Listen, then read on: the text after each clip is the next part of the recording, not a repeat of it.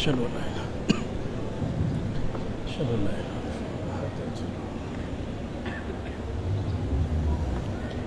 السلام عليكم ورحمة الله وبركاته.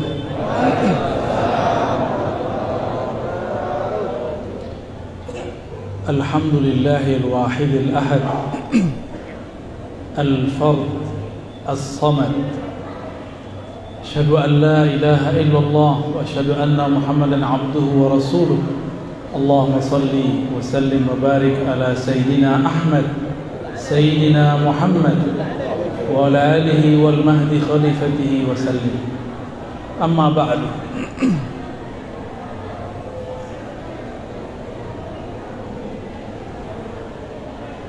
para kiai, para tuan guru, wabil khusus yang sudah saya anggap sebagai guru saya sendiri, Kiai Haji Muhammad Jailani, Hafizahullah.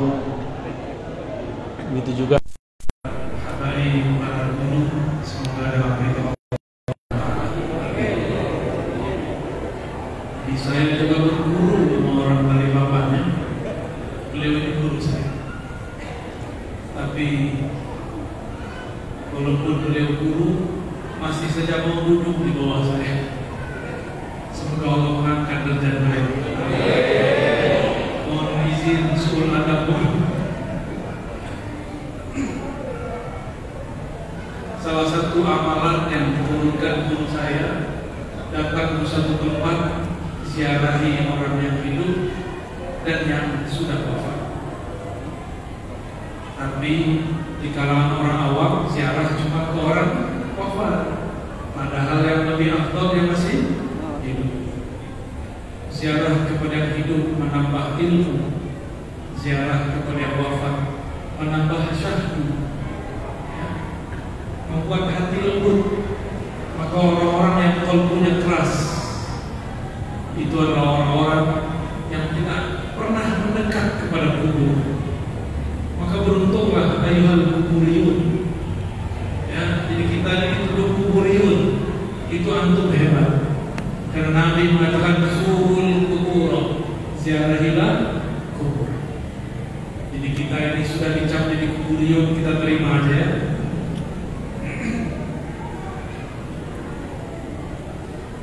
Hadirin hadirat yang berkat Allah Memperteguh akidah al-sunnah ada dua macam. Saya mau konfirmasi dulu macam yang mana Pertama memperteguh ke dalam diri Itu dengan tasawuf.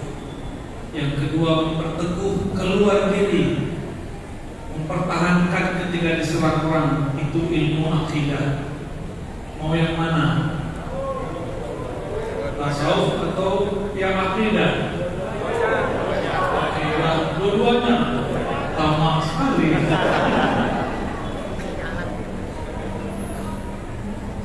Mau yang berantem atau yang adem?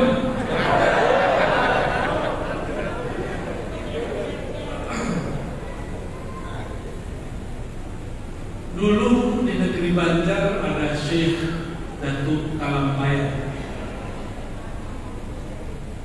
Nama beliau Syekh Muhammad Arsyad Al-Banja bin Abdullah Al-Banja.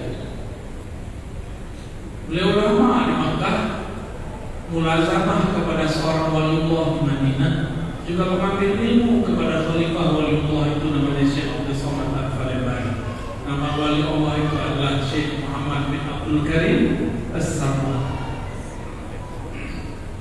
Makanya orang Banjar identik dengan roti saman atau tawasul samani. Sampai sekarang masih pakai masih ya. Masih hidup lagi masih alhamdulillah.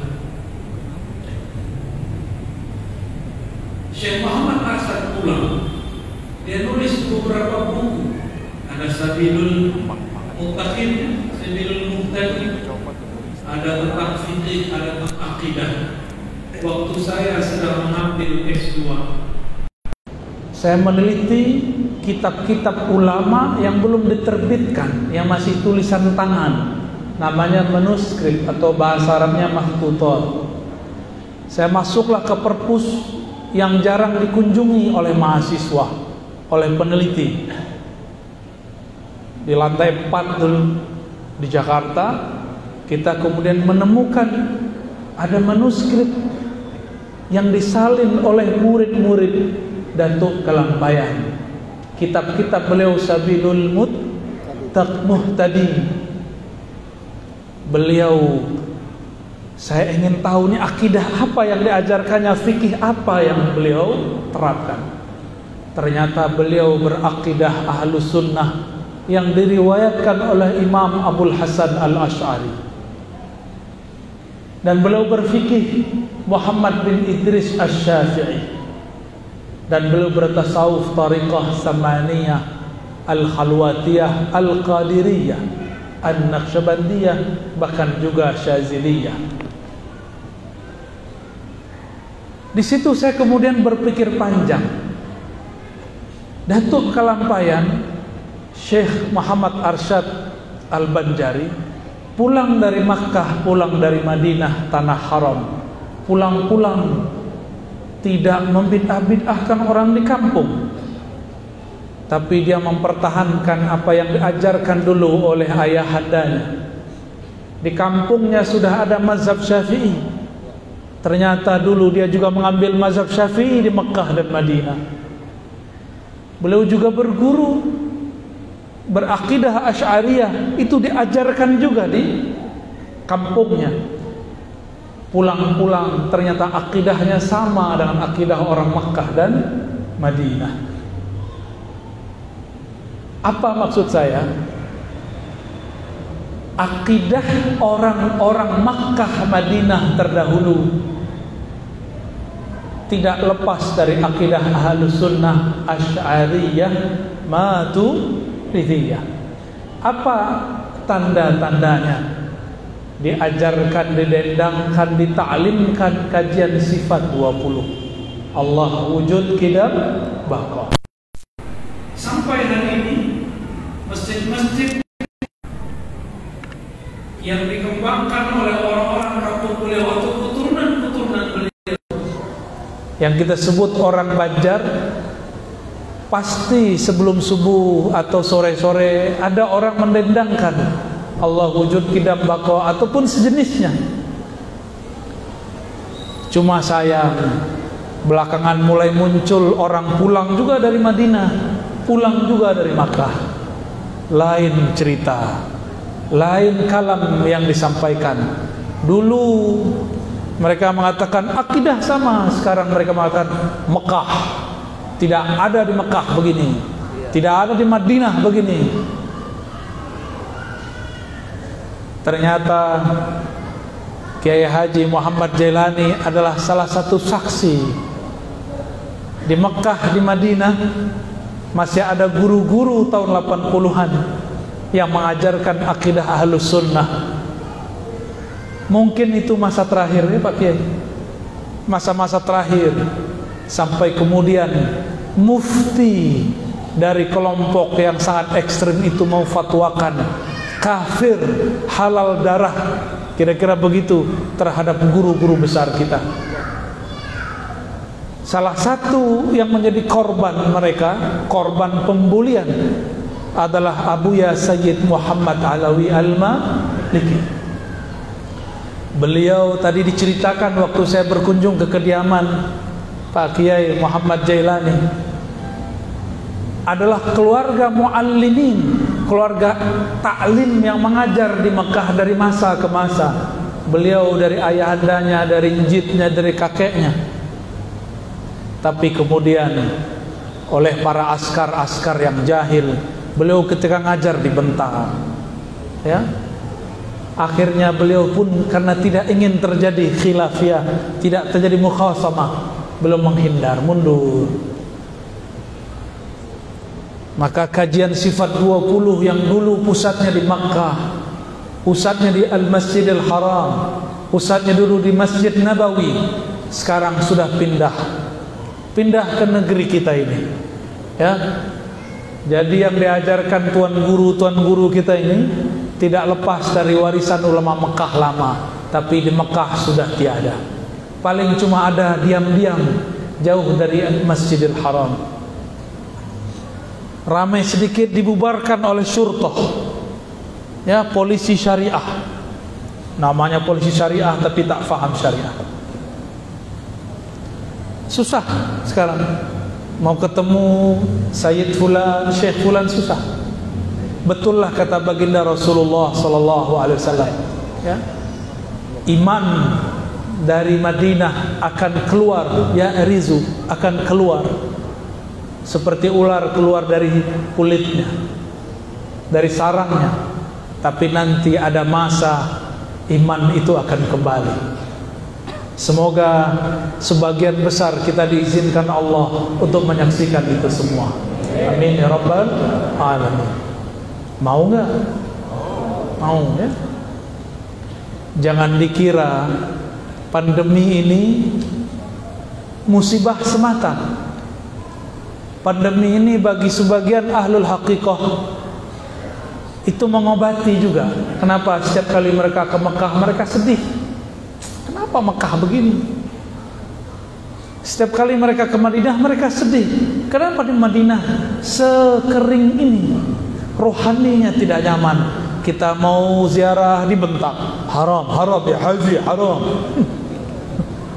Ini korban-korban yang ketawa nih korban ya. Ya haja haram. Haram-haram bapakmu. Sebel kita, kesel kita jadinya. Saya setiap kali umroh, saya sedih Pak melihat itu. Kadang-kadang berpikir ya Allah, kita mau menghilangkan kesal, kok malah kita kesal di hadapan Nabi Sallallahu Alaihi Wasallam kepada orang yang katanya menunggui menjagai kuburan Rasulullah sallallahu alaihi wasallam. Maka mending kita nggak ketemu mereka. Lebih baik kita tidak berpolemik dari mereka daripada kita konflik. Karena tidak pantas seseorang menyimpan kemurkaan di hatinya emosi di hatinya di hadapan Rasulullah sallallahu alaihi wasallam. Tapi tidak usah khawatir ya. Setiap 100 tahun Allah ya ba'as lihadil ummah may yujaddid laha dinaha.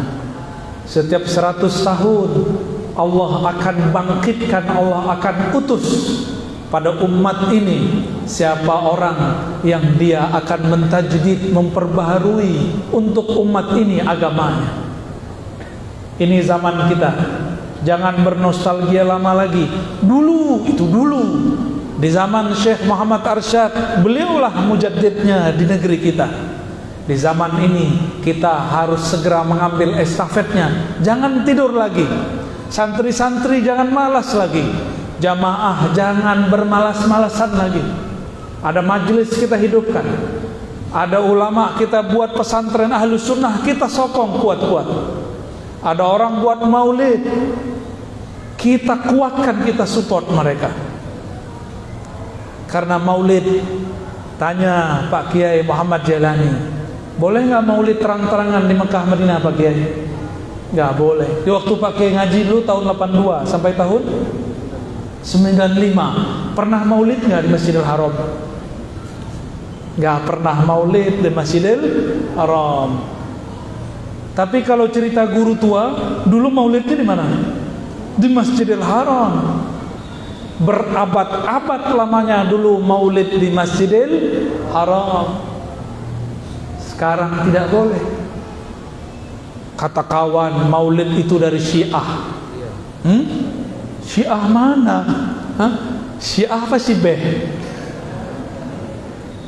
mana ada Syiah buat maulid seperti kita? Ada nggak? Nggak ada. Coba antum cari kalau ada Syiah buat maulid pakai kitab Barzanji pakai simti duror ada nggak? Nggak ada. Syiah lebih ramai buat Ashura 10 Muharram. Maulid mah tidak. Kata mereka yang pertama buat Maulid itu kelompok Syiah Qaramitah atau Syiah yang dulu bangun Al-Azhar lama. Apa jawaban kita? Hmm. Anda tidak mengerti sejarah ya atau Anda sengaja menutupi sejarah. Nah, jangan-jangan yang kedua. Kalau yang pertama kita maklumi Kalau yang kedua namanya khianat. Masa sudah tertulis di kitab dia nggak bisa baca kitab? Kita aja bukan orang Arab baca kitab. Kok masa dia orang Arab nggak bisa baca kitab? Ya? Kalau Habib oh jelaslah ada Arab-Arabnya. Hidungnya maju ke depan kalau kita maju ke belakang. Di dalam banyak kitab, Tarikhul Islam, kitab, kitab-kitab banyak sekali ditulis karya Imam, ada Tarikh Khulafa, banyak sekali. Kitab Imam Ibnu Katsir dan lain-lain menyebutkan seorang sultan yang adil namanya Sultan Al-Muzaffar. Cuma ada yang mereka menyebutkan kisah ini ada yang tidak.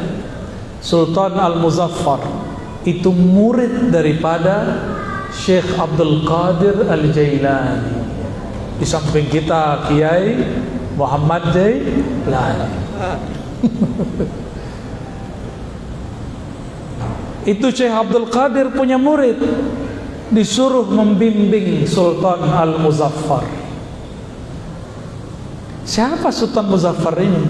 Ternyata beliau ada ipar dari Salahuddin Al-Ayubi yang juga merupakan murid daripada Syekh Abdul Qadir Al-Jailani. Beliau melihat semangat jihad sudah hancur, sudah turun. Kita ini yang bertasawuf dituduh tidak suka jihad karena kita nggak suka ngebom. Emang ngebom jihad? Emang ada di hadis Nabi Nabi ngebom? Coba tanya kepada sahabat-sahabat ya Tanya kepada ahli hadis, adakah jihad namanya bom bunuh diri? Ada nggak? Nggak ada. Itu bid'ah dalam jihad. Nggak ada jihad namanya bom bunuh diri. Itu bid'ah.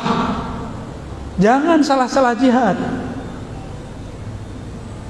Maka kita mengimbau kepada saudara-saudara kita yang sangat semangat jihad. Ayo belajar fikih jihad sama-sama. Ya, Fikih jihad itu ada sanatnya. Dulu yang membangun negeri ini itu semua mengerti fikih jihad. Sekarang mereka udah buat negeri ini terus antum kalian mau hancurkan. Gak tahu terima kasih namanya. Ya. Oh kita mau buat daulah Islam. Emang mudah buat daulah Islam. Bertahaplah Rasulullah pun bertahap. Apakah ada orang berani apa berhasil membuat daulah Islam dengan bom bunuh diri. Tidak ada. Tidak ada kawan. Ya nggak ada sahabat. Nggak ada. Sultan Muzaffar akidahnya Ash'ari Salahuddin Al-Ayubi akidahnya Ash'ari bermazhab Syafi'i Beliau panggil para ulama Wahai tuan-tuan syekh Apa yang nak kita buat Ini orang semuanya malas berjihad apa kata para ulama? Kita buat maulid Nabi. Ceritakan kisah Nabi berjuang. Ceritakan kisah Nabi dari sebelum lahir sampai lahir kembali.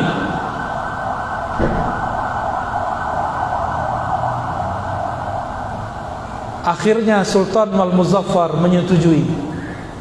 Beliau mengeluarkan setiap tahun 300 ribu dinar untuk acara maulid setiap tahun. Itu diputar tuh 300 ribu dinar berapa duit itu? Kita nggak tahu tapi efeknya apa? Sultan Muzaffar Salahuddin Al-Ayubi berhasil menaklukkan perang salib jadi perang salib itu berkah maulid. Bisa kita menangkan di zaman itu berkah mau maulid. Ahlu sunnah bukan buatan syiah, syiah Fatimiyah atau syiah Karamita bukan. Itu siapa nama sultannya tadi?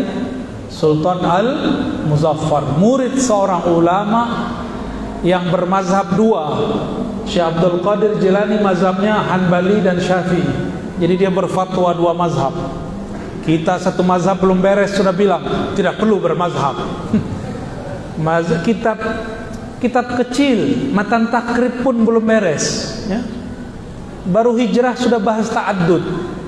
Tahu ta'addud? Bukan ngudud, bukan ta'addud, zawaj. Aksar min wahid.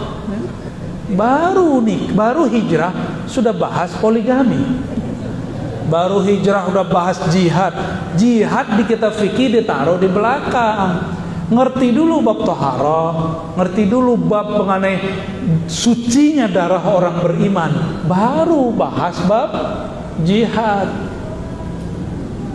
Maka dulu waktu Syekh Ahmad Tayyib diminta oleh Presiden Mesir Asisi, dia jenderal tuh, ya, militer. Eh Tuan Syekh, itu hapus tuh bab jihad dari Al Azhar. Kata si si jenderal yang jadi presiden. Apa kata Tayyib? Syekh Ahmad Tayyib tidak takut kecuali hanya kepada Allah. Apa kata beliau? Eh Pak Jenderal, Pak Presiden, urusan kamu, kamu urus sendiri. Urusan kami memahamkan umat agama. Kami tahu kapan bat jihad harus diajarkan. Gak usah kalian recoki. Langsung diam itu presiden. Begitu kekuatan Syekhul Azhar di sana. Kalau Syekh kita nggak bisa begitu ya. Hadirin hadirat alim ulama sahabat-sahabat yang Allah. Jadi dulu dari generasi ke generasi jika orang pulang dari Mekah Madinah akidah yang diajarkan sifat 20. Sekarang kalau pulang Madinah yang diajarin apa? Membatalkan sifat 20. Kata dia di Mekah tidak ada yasinan. Nah, menyambung kan? Orang baca 20 dia bahas yasinan. Di Mekah kapan? Di Mekah sekarang apa di Mekah dulu? Ya. Jadi kita jangan tertipu oleh kata-kata seperti itu, ya. Giliran bab nggak kunut ikut Mekah. Giliran bab sifat 20 ikut Mekah yang sekarang. Giliran taraweh 20 rakaat nggak ikut Mekah. Di sini berapa tarawehnya? Guru? 11. 20. Wah, top buat antum ya. Berarti kiainya tidak ikut umat, umat yang ikut kiai. Kalau pengurus masjid kan nanyanya ke jamaah. Jamaah 11 apa 20? Kata jamaah pemalih pemalas kasalan, kasul. Pemalasnya bukan main. Sebelas aja. Ya benar. Ah isi hati antum semua itu.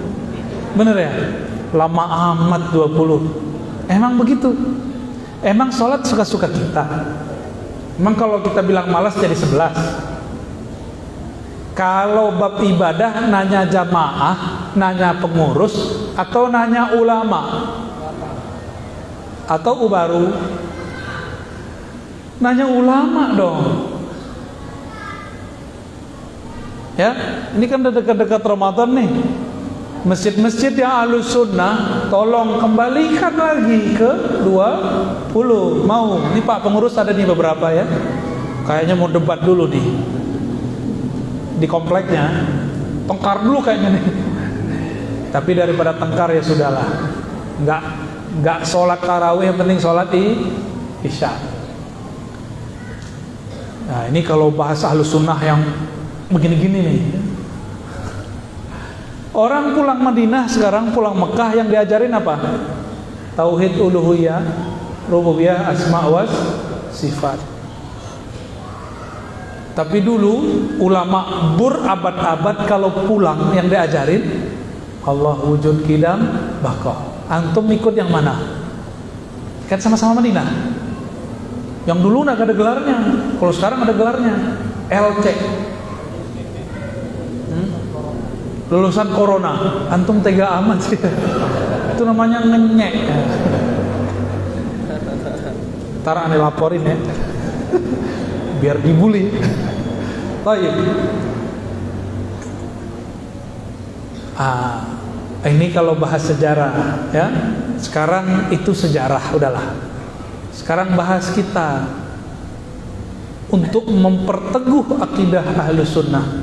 Belajar sifat 20 susah sekali. Tidak tidak banyak ulama yang bisa menjelaskan secara gamblang. Maka dalam banyak kajian saya meringkas menjadi dua. Dari surat Al-Ikhlas, mungkin sudah ada yang mengikutinya lewat rekaman-rekaman yang ada. Tapi supaya lebih sah belajar sifatnya, belajar tauhidnya, tauhid surat Al-Ikhlas. Maka di situ ada dua tauhid. Pertama tauhid ahadiyah. Apa arti tauhid ahadiyah? Meyakini bahwa Allah ahadun fi zatihi wa fi sifatihi wa fi af'alihi wa Allah itu Esa tunggal. Kalau Esa Ahad itu tidak ada saninya. Kalau tunggal tidak ada dua. Kalau Al-Wahid masih ada asani tapi kalau Ahad nggak ada pakai waw pakai alif itu artinya ketunggalan. Tidak ada lagi setengah. Tidak juga ada tambahan satu setengah. Apalagi jadi dua jadi tiga. Allah itu dulu sendiri itu ahad. Ahad itu juga berarti sendiri.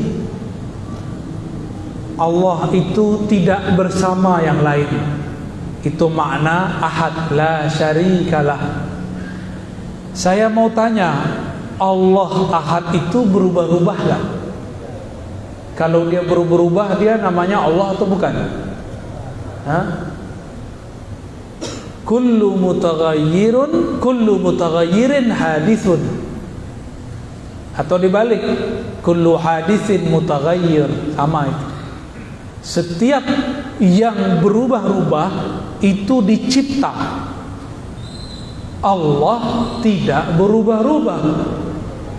Maka dia bukanlah dicipta, tapi dialah yang mencipta. Ini guru Mahmud dulu lahirnya sebesar ini. pernah kecil ya? Oh pernah kecil, tapi kecil dari ini. Iya, kalau sebesar ini kasihan maknya ya. Saya senang kalau ngeliat beliau itu habis baca Quran tuh segera gerak. Ya asik aja ngeliat ya. Seakan-akan Syekh Minshawi dan gurunya hidup lagi ya.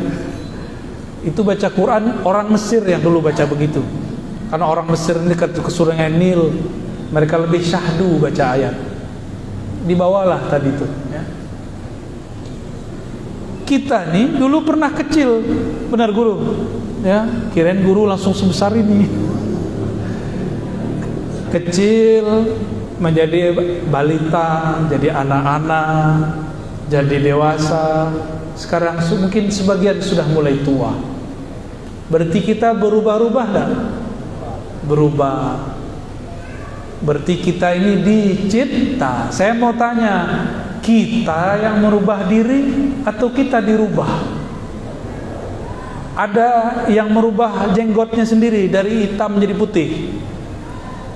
Kalau boleh berkehendak, jangan sampai hitam, jangan sampai putih lah kau ya. Eh rambut, janganlah kau jadi berubah supaya tetap laku. Benar ya? Kalau boleh request kepada diri sendiri, eh keriput janganlah kau datang. Kalau boleh berkehendak kepada gigi janganlah pernah ompong. Ya. Kalau boleh berkehendak kepada badan janganlah kau menua. Tapi apalah daya, kita pun tidak berdaya menahan satu uban dalam badan. Berarti kita ini diatur, kita tidak mengatur. Kita ini diubah, kita tidak pernah mengubah. Kita ini digerakkan, tidak pernah bergerak sendiri. Hakikatnya, ya, cuma Allah berikan suatu kesempatan dalam diri, namanya kasab. Laha ma kasabat wa alaiha ma kasabat. baginya jiwa, baginya manusia ada kasab usaha. Kasab inilah usaha, inilah yang kita nanti pertanggungjawabkan. Ada pilihan taat maksiat kita pilih, maksiat itu nanti dipertanggungjawabkan. Kita pilih taat itu nanti yang akan dibalas.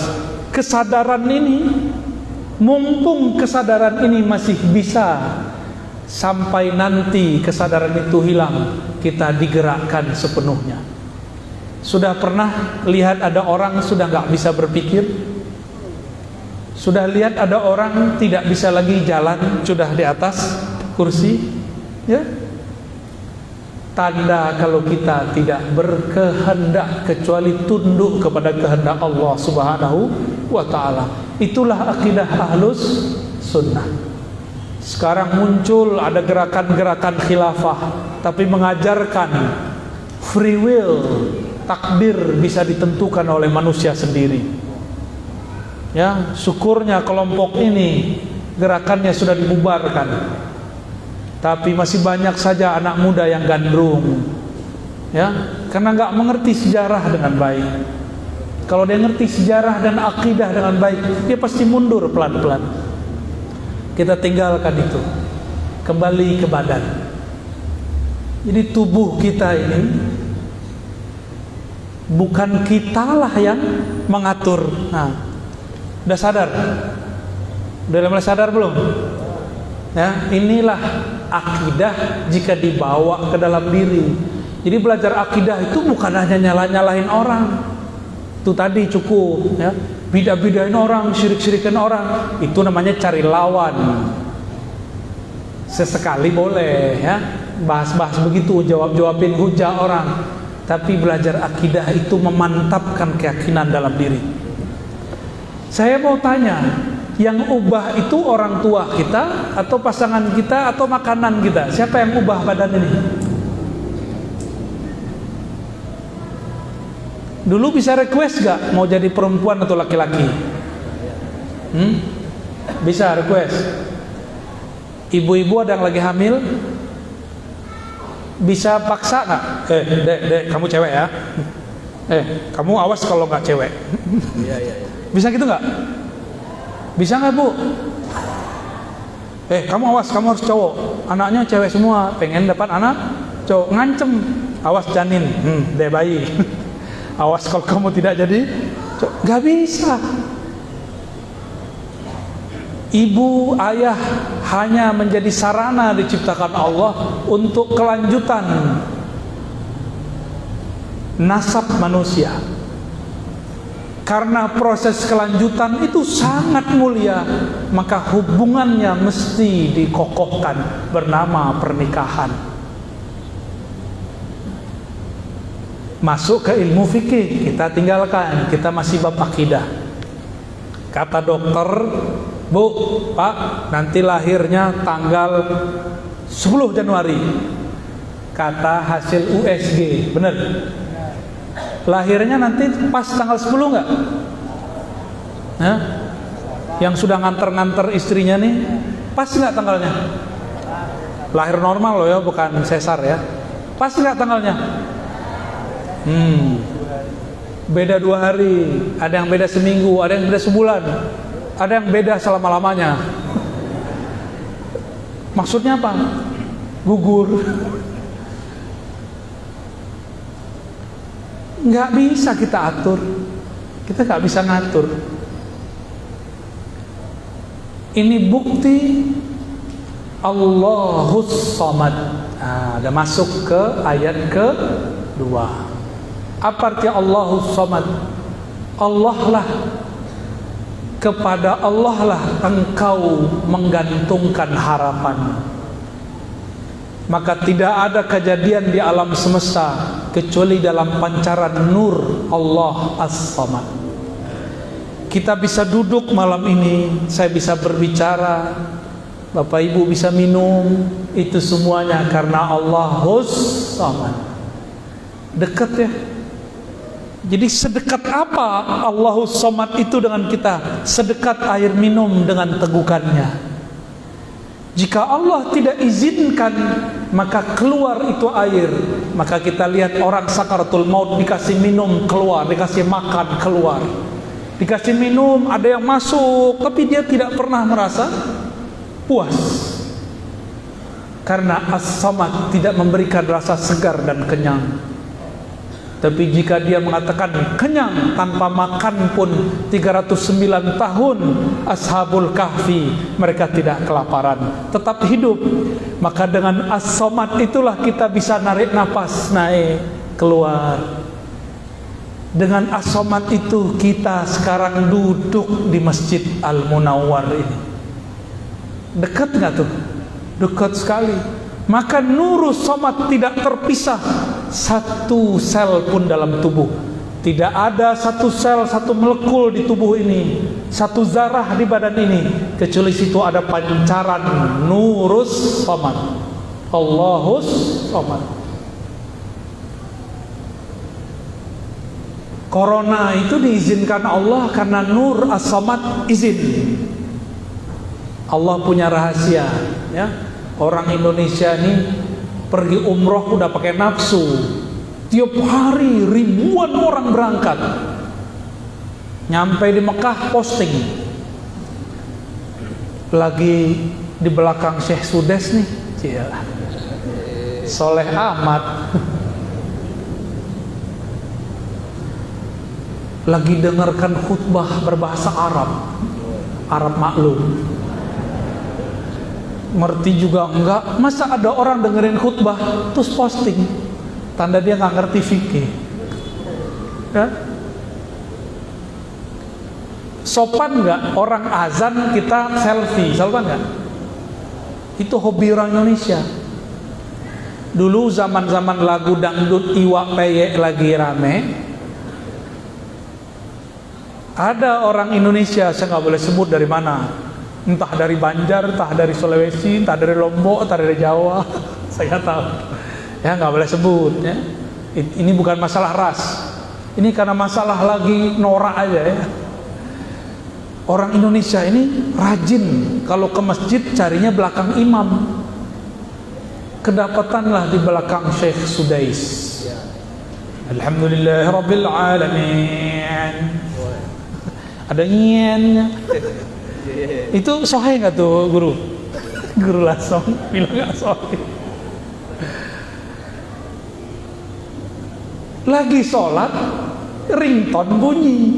Iwa peye, iwa. Dan suaranya jelas. Beberapa bulan ke depan, tetangga dia lagunya ganti sakitnya tadu apa? Sakitnya tuh di sini.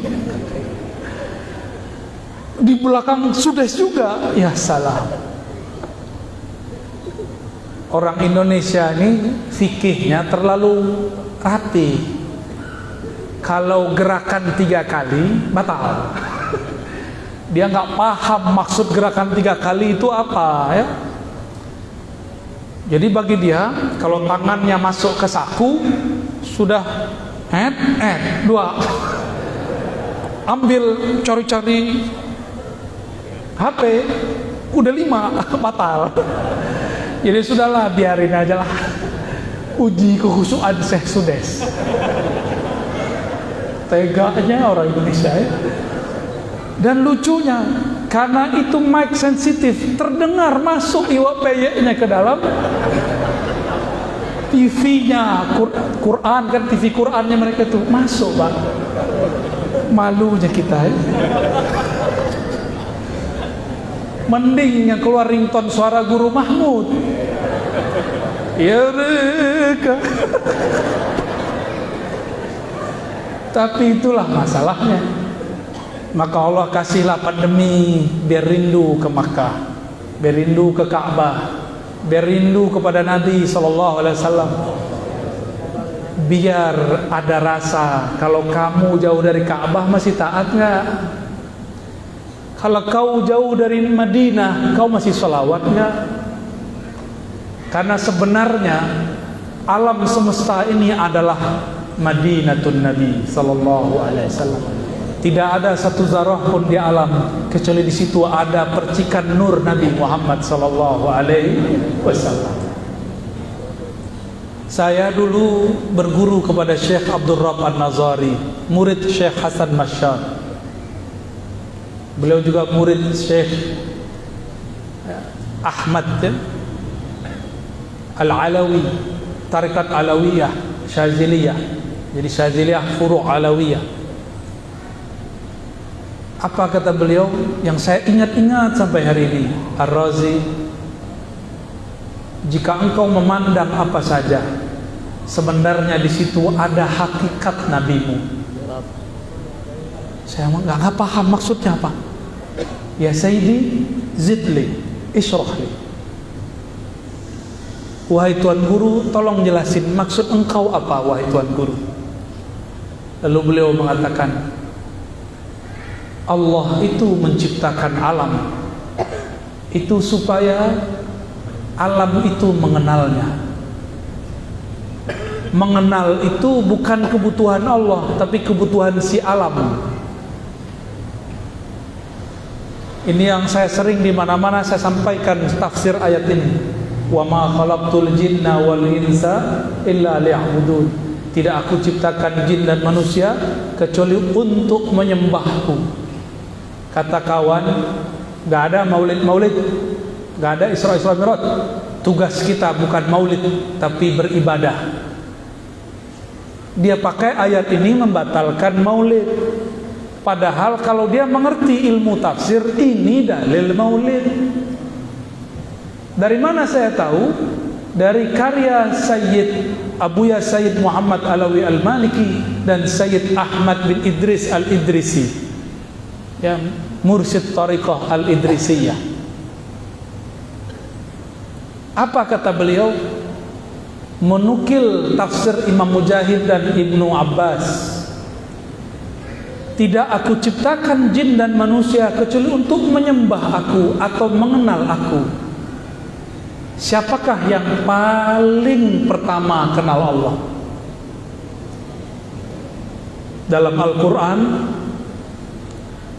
Allah perintahkan Nabi Yuna Muhammad sallallahu alaihi wasallam mengatakan Kul inna salati wa nusuki wa mahyaya wa mati Terus di ujung ayat Wa ana awalul muslimin.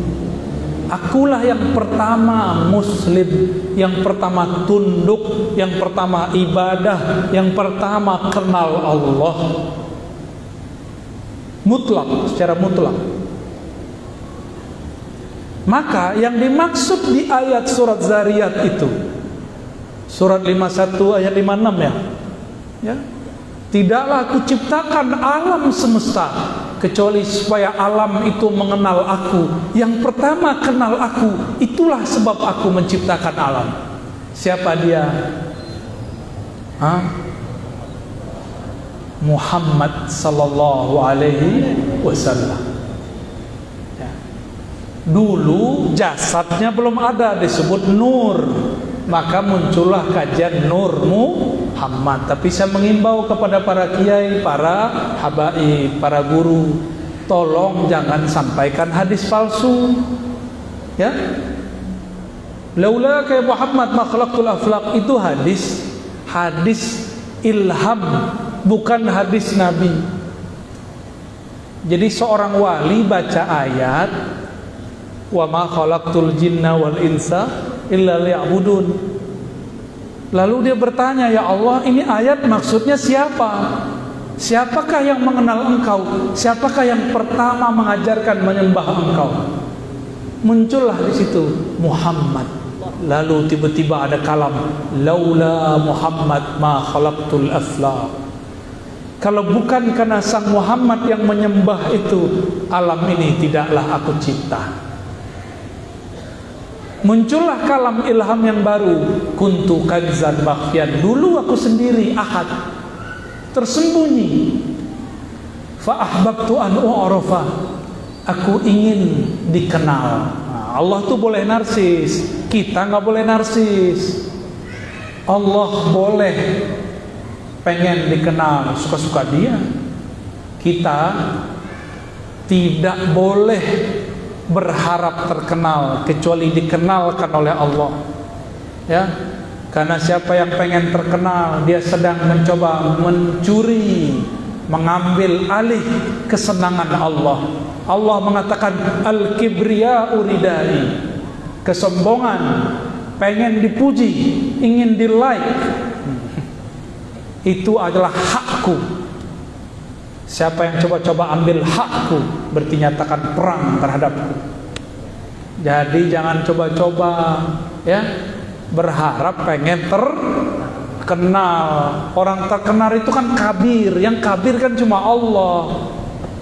Tapi kalau dikenalkan dalam kabirnya Allah kita ridho ya.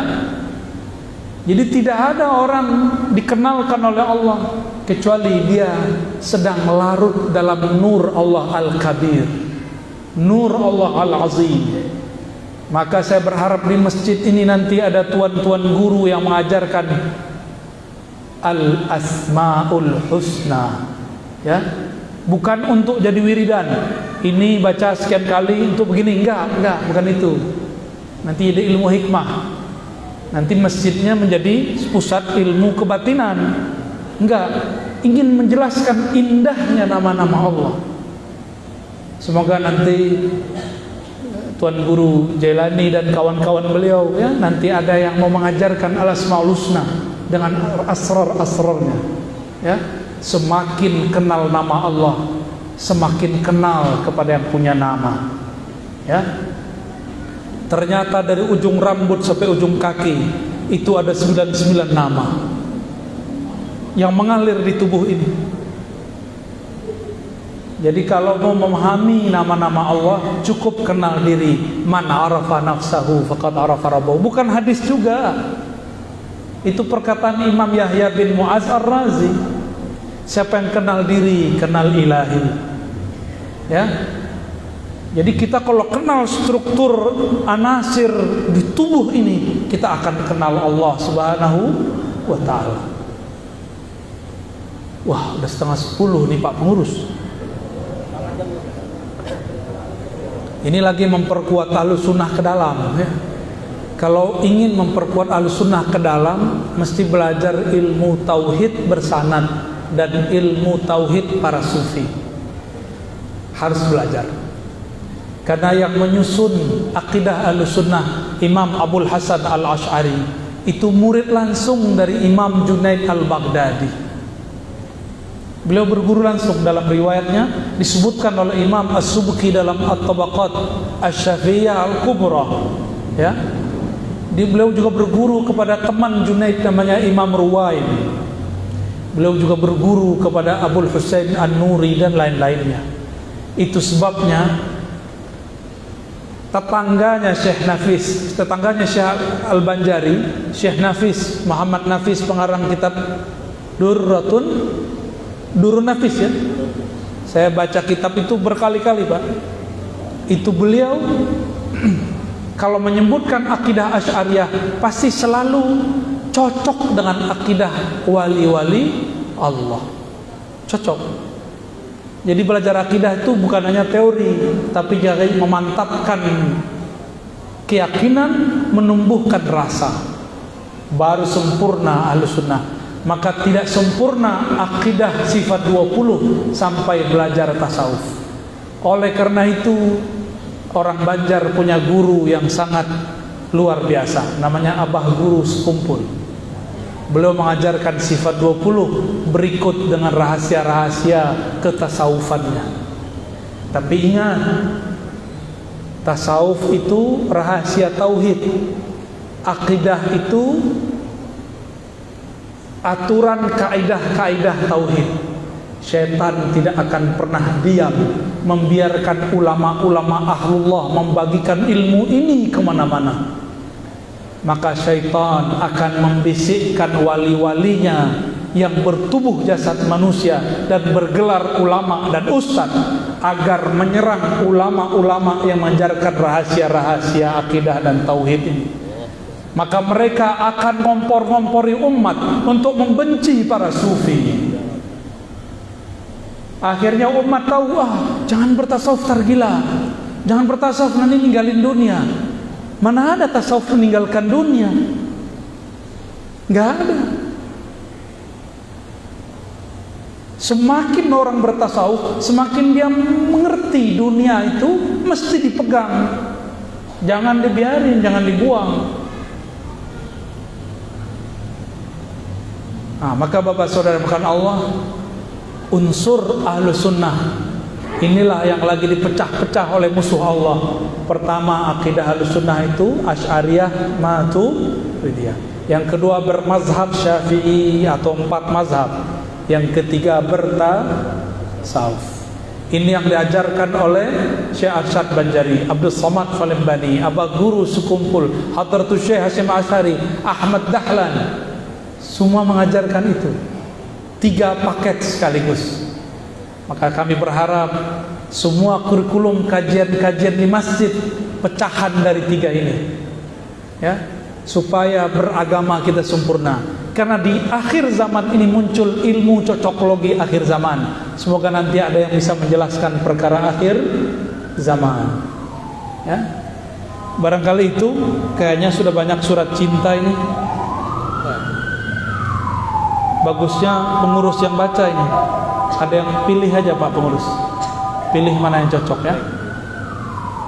Gak usah semua Pak pengurus.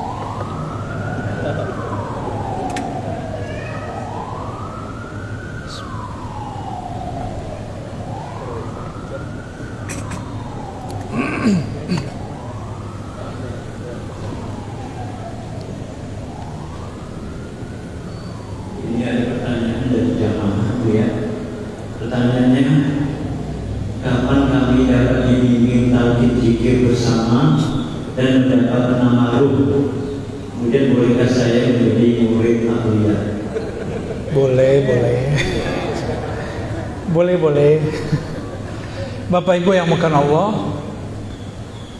Murid itu Ada murid sodik, ada murid kazib Ada murid yang benar-benar sungguh-sungguh Ada murid yang bohong Ada murid ikut-ikutan, ada murid sungguhan Ada murid tim hore, ada murid tim asli. Kalau tim hore itu Kalau cocok sama nafsunya Dia ikutin gurunya kalau nggak cocok sama nafsu pemahaman dia, dia tinggal. Ya. Nah, banyak begitu. Ya. Masa murid lebih ngerti dari guru? Kata si murid, saya ambil yang baik-baik saja dari tuan guru. Berarti dia lebih ngerti daripada gurunya. Benar nggak? Bahaya itu ya. Tapi banyak orang ngomong itu ya. Dia banding-bandingin Pak Kiai Jailani sama Pak Kiai Fulan kita ambil saja yang baik-baik. Dia lebih paham daripada Pak Kiai Jailani. Kalau jadi murid istikharah dulu ya. Musyawarah dulu. Tanya kepada Allah saya berguru kepada siapa? Kemudian kapan ditalkin? Nah talkin itu kan saya ngikutin sir dalam diri saya kalau sirnya kuat, mau satu orang, mau seribu orang, mau lima ribu orang, jalan. Tapi kalau sirnya tidak ada, mau sejuta orang minta nggak dikasih. Mungkin pada iri kali ya, waktu kita kemarin ke Banjarbaru ya, itu tengah hutan itu pak. Saya terenyuh, Guru Wildan ijazah talkin zikir riwayat ahli hadis itu yang datang dari macam-macam provinsi. Kalau Tuan Guru Wildan sudah berendah hati, masa saya masih ber ya, menjual mahal ya? Ilni talkin tidak dapat dibeli, tapi karena sayang guru dikasih jual. Bapak mau beri kalimah pakai apa? Mau dikasih satu M nggak terbeli.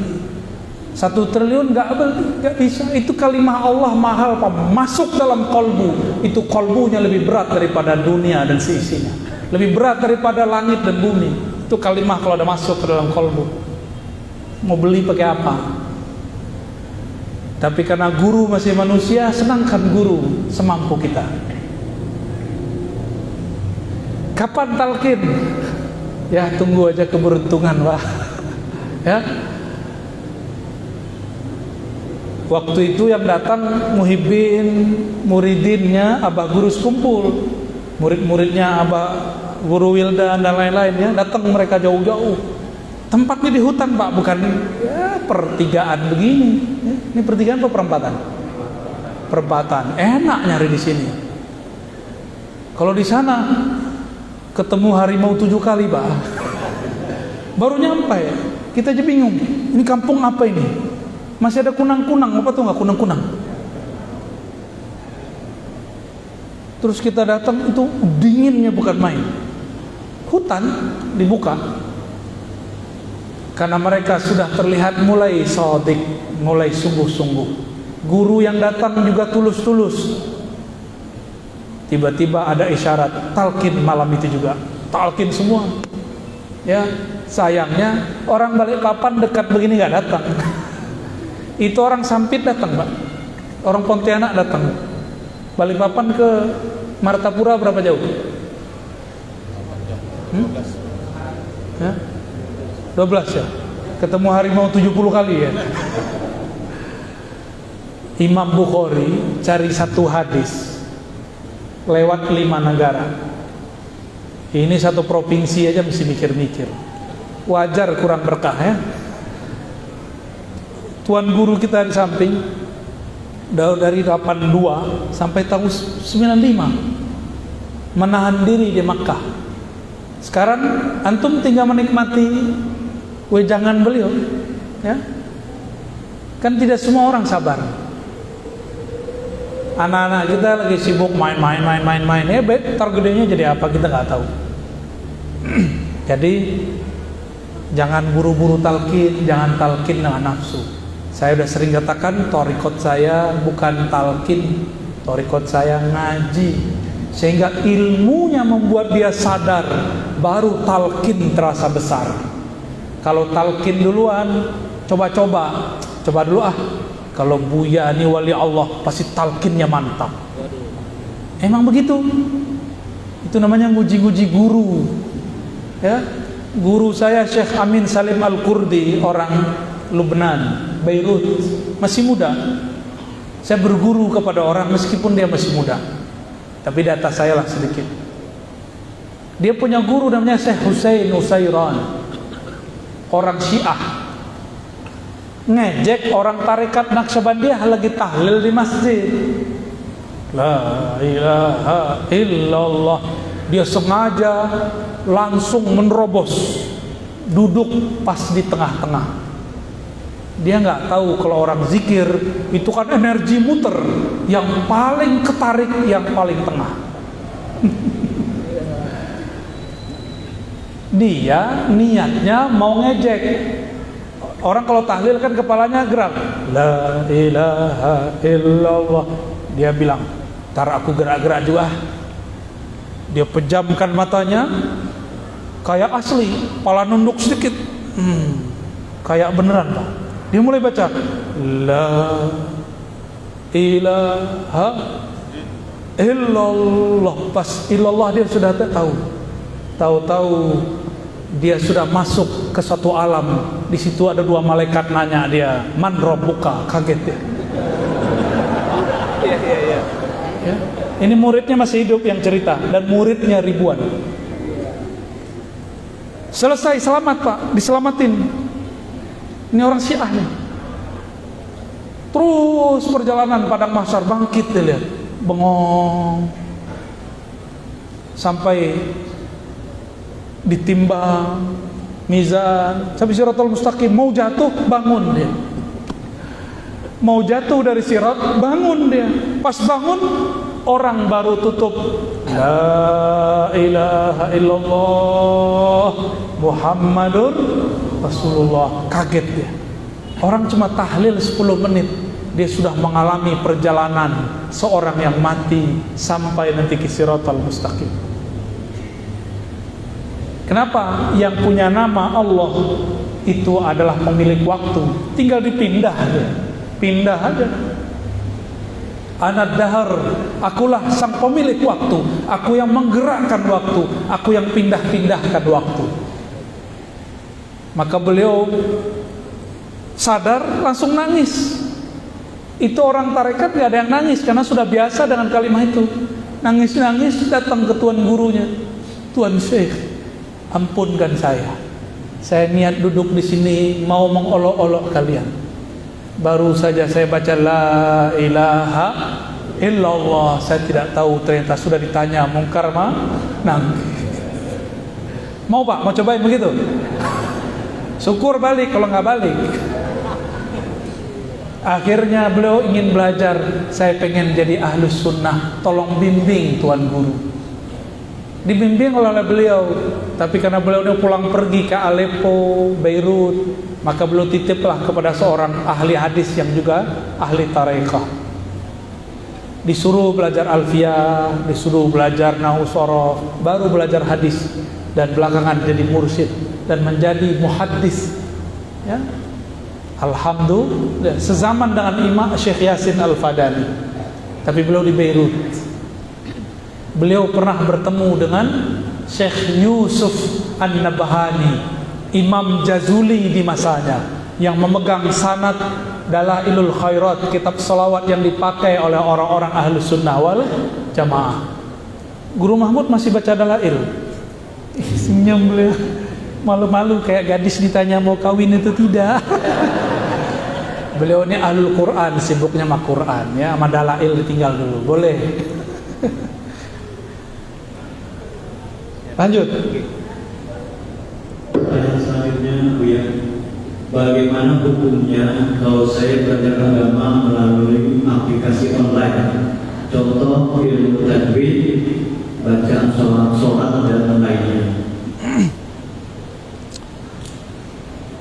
Kalau masih di balik papan Mumpung badan belum ditanam di balik papan yang sebenarnya Masih ada tuan guru kita ngajar tajwid datanglah ke guru tajwid. Karena ilmu tajwid itu nggak bisa lewat layar. Tajwid itu harus menirukan gerakan guru, lidah guru persis, tidak boleh kurang, tidak boleh lebih. Berlebih dikit jadi aneh. Coba baca A, coba baca A. Kayak orang mau buang air besar. Ya, dulu belajarnya lewat TV ya, lewat aplikasi ya. Coba baca so. So. Nah, saya aja salah baca nih, ini sengaja nunjukin salah nih. So. Salah semua ini.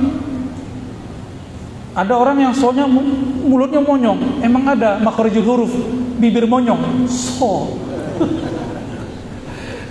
ya, orang belajar Jazariyah. Nih kitab tauhid Jazariyah itu huruf per huruf dijelaskan keluarnya dari mana. Jadi kalau belajar jazariyah, nanti sama guru dikasih peta, kasih di mana saja tempat huruf keluar.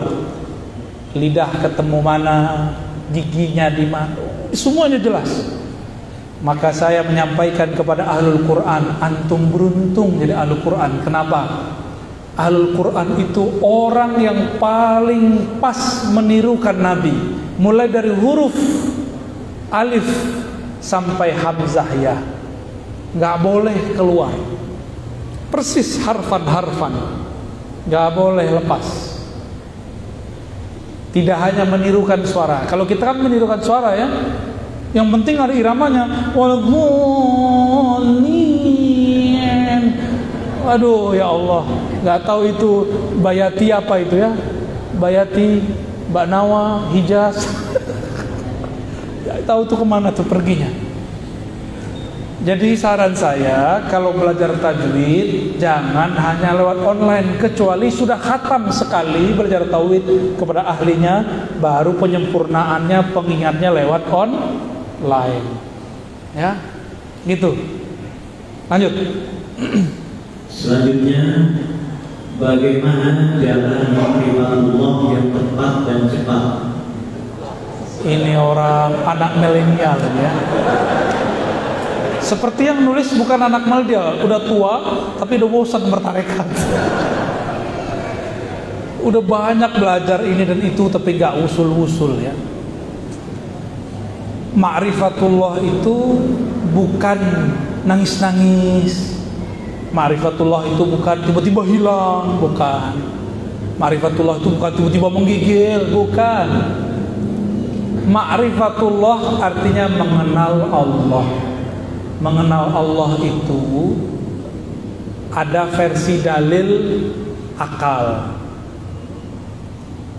Akal itu berpikir kalau alamnya ada pasti ada yang ciptain alam segitu doang. Ada versi kolbu, kolbu ini gelisah terus. Sebut saja nama Allah di kolbu, hilang itu gelisahnya. Semakin banyak menyebut nama Allah di kolbu, hilang gelisahnya. Itu cara usul di kolbu. Tapi ada yang tidak bisa saya ceritakan, usul pada ruh. Ya, itu belum boleh diceritakan itu masih rahasia Allah yang disimpan di kolbu para kekasih-kekasih. Ya, kalau saya ceritakan sama seperti orang jualan emas di tepi jalan, dikira kuningan. Hmm?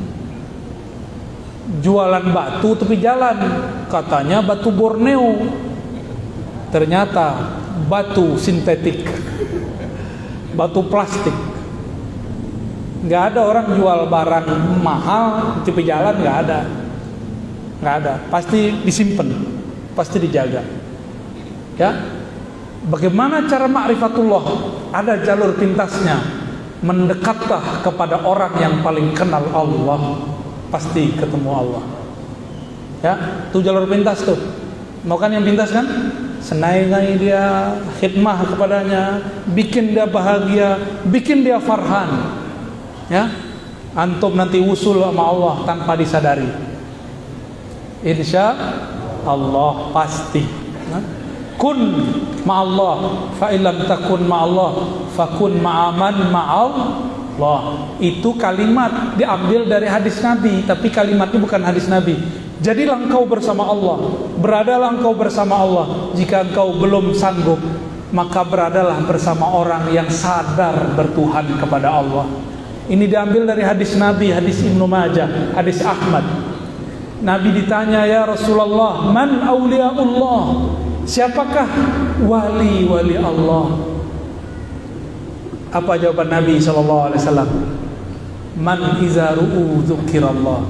Orang sosok yang jika engkau pandang dia, engkau dekati dia, engkau teringat kepada Allah. Itulah wali Allah. Gimana? Ada ketemu belum? Lanjut.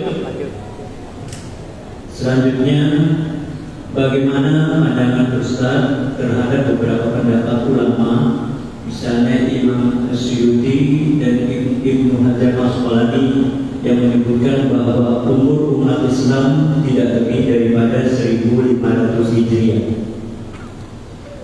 Jika dikaitkan dengan hadis, maka semua hadisnya lemah. Tapi jika dikaitkan dengan ilmu huruf dan ilmu adat, ilmu angka, maka ada pembenarannya. Nanti tuan guru, para habaib, para masyaikh, para santri yang ngerti ilmu nilai angka, namanya hisab jumal, buka surat Iktaraban apa ayatnya? Surah Al-Qamar. Iktaraba iqtarabatis khamar. Itu hitung satu hurufnya jumlahnya sama dengan 1500. Imam Syuti menjawab pakai ini hadisnya beliau katakan hadisnya dhaif. Ya. Kalau mengikuti ilmu huruf umur umat udah tinggal dikit lagi. Ya. Sekarang 1443. Benar tambah 13 tahun di Makkah. Nggak usah pakai hadis Tirmizi 10 tahun. Berarti sekarang berapa? 1443 1453 untuk jadi 1500 berapa tahun lagi? Hah? 40 tahun. 47 sebelum 47 itu kejadian 10 Dibagi aja 47 atau anggap saja 50 tahun ya. 50 tahun itu dibagi 10 kejadian. keluar dajjal daulah berdiri Ya'jud Majud keluar Dabah keluar Daulah iblis berdiri untuk terakhir kalinya Terbit matahari dari Barat Ini Mana? Timur Salah ya situ ya Salah unjuk kita Disorientasi arah Itu kejadian dalam waktu 50 tahun ini Berarti kalau dibagi 10 10 atau 5 5 tahun bentar lagi dajalnya keluar. bentar lagi Pak beneran. Ini bentar lagi kan corona ini bagian dari pencirian dia keluar. Ini corona mau mecah-mecah orang. Makanya nanti nggak akan ada majelis begini. Mumpung masih bisa ngumpul kita majelis, kita maulid sebanyak-banyaknya kita kenang Rasulullah, kita ceritakan Rasulullah. Jika nanti kita tidak bisa berkumpul lagi, kita, keluarga kita, anak cucu kita kenal sifat Rasulullah. Kalau sudah kenal kisah Rasulullah, nanti kenal dengan Al-Imam Al-Mahdi. Itu rahasia maulid. Rahasia maulid itu supaya sifat Nabi terpatri dalam diri kita. Baru dengan itu kita kenal siapa Imam Al-Mahdi. Ya, Nabi itu ini nggak suka posting nggak dulu? Nabi dulu suka ngomong di YouTube nggak? Enggak.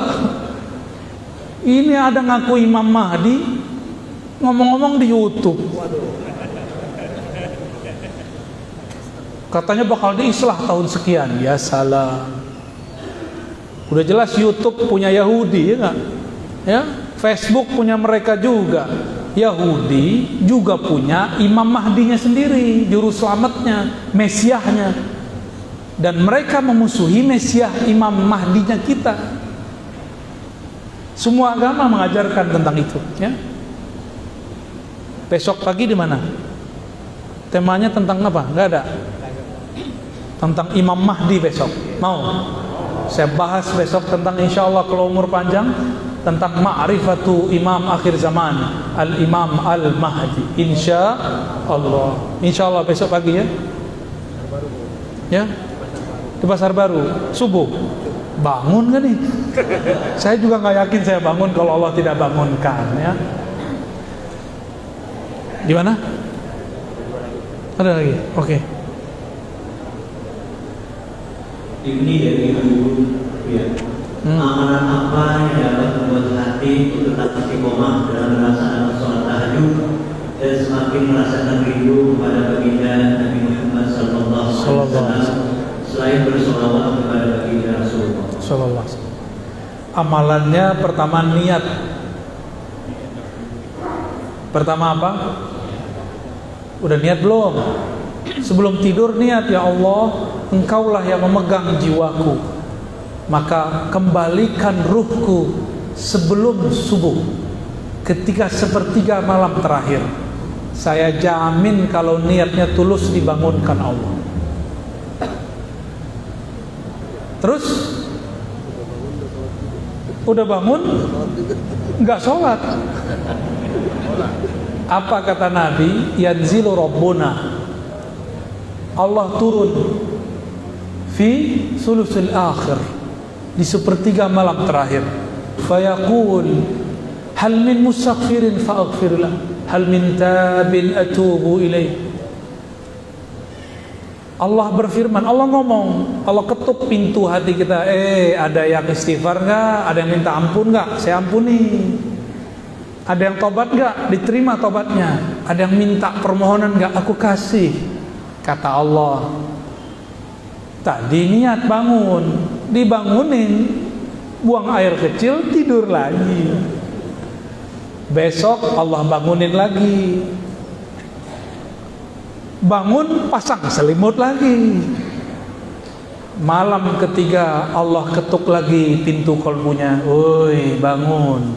Aku turun kau tak bangun. Aku datang jadi tamumu engkau tidak bukakan pintumu Mau nggak Bapak Ibu udah tiga kali salam kita nggak dijawab masih mau nunggu depan rumah orang? Hmm? Ini bapak-bapak ini ngelamar tapi ditolak tiga kali. Mana harga dirimu? Emang nggak ada lagi perempuan lain. Kata Allah, emang kamu doang hamba aku.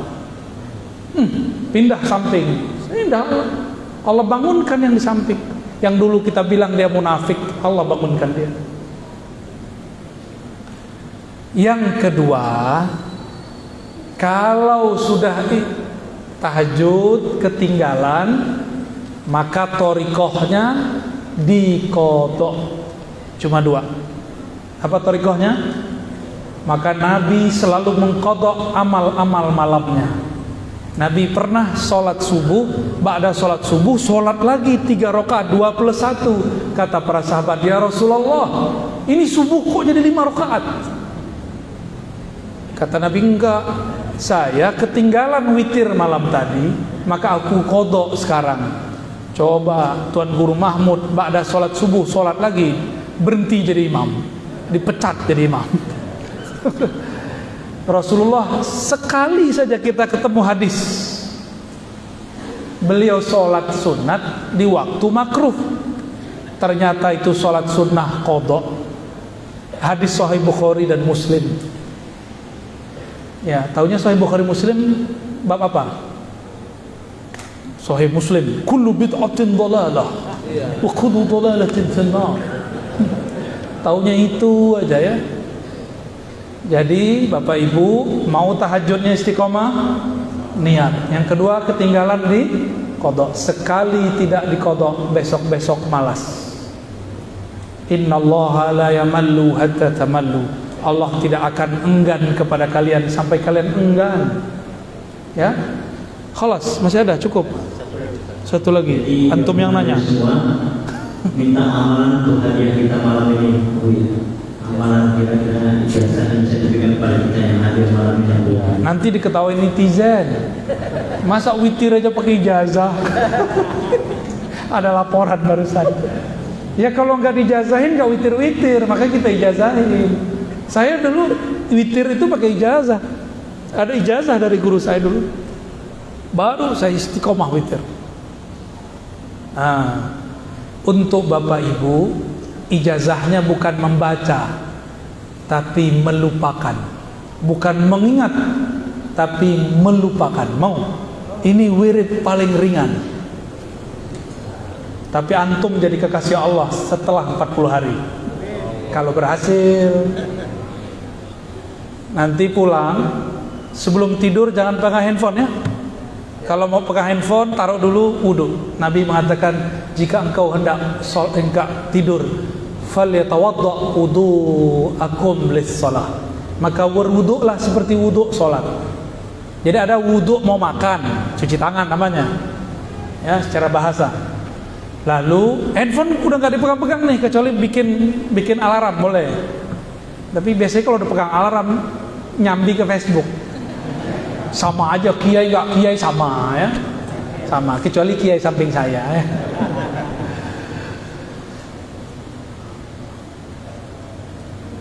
Terus ngapain?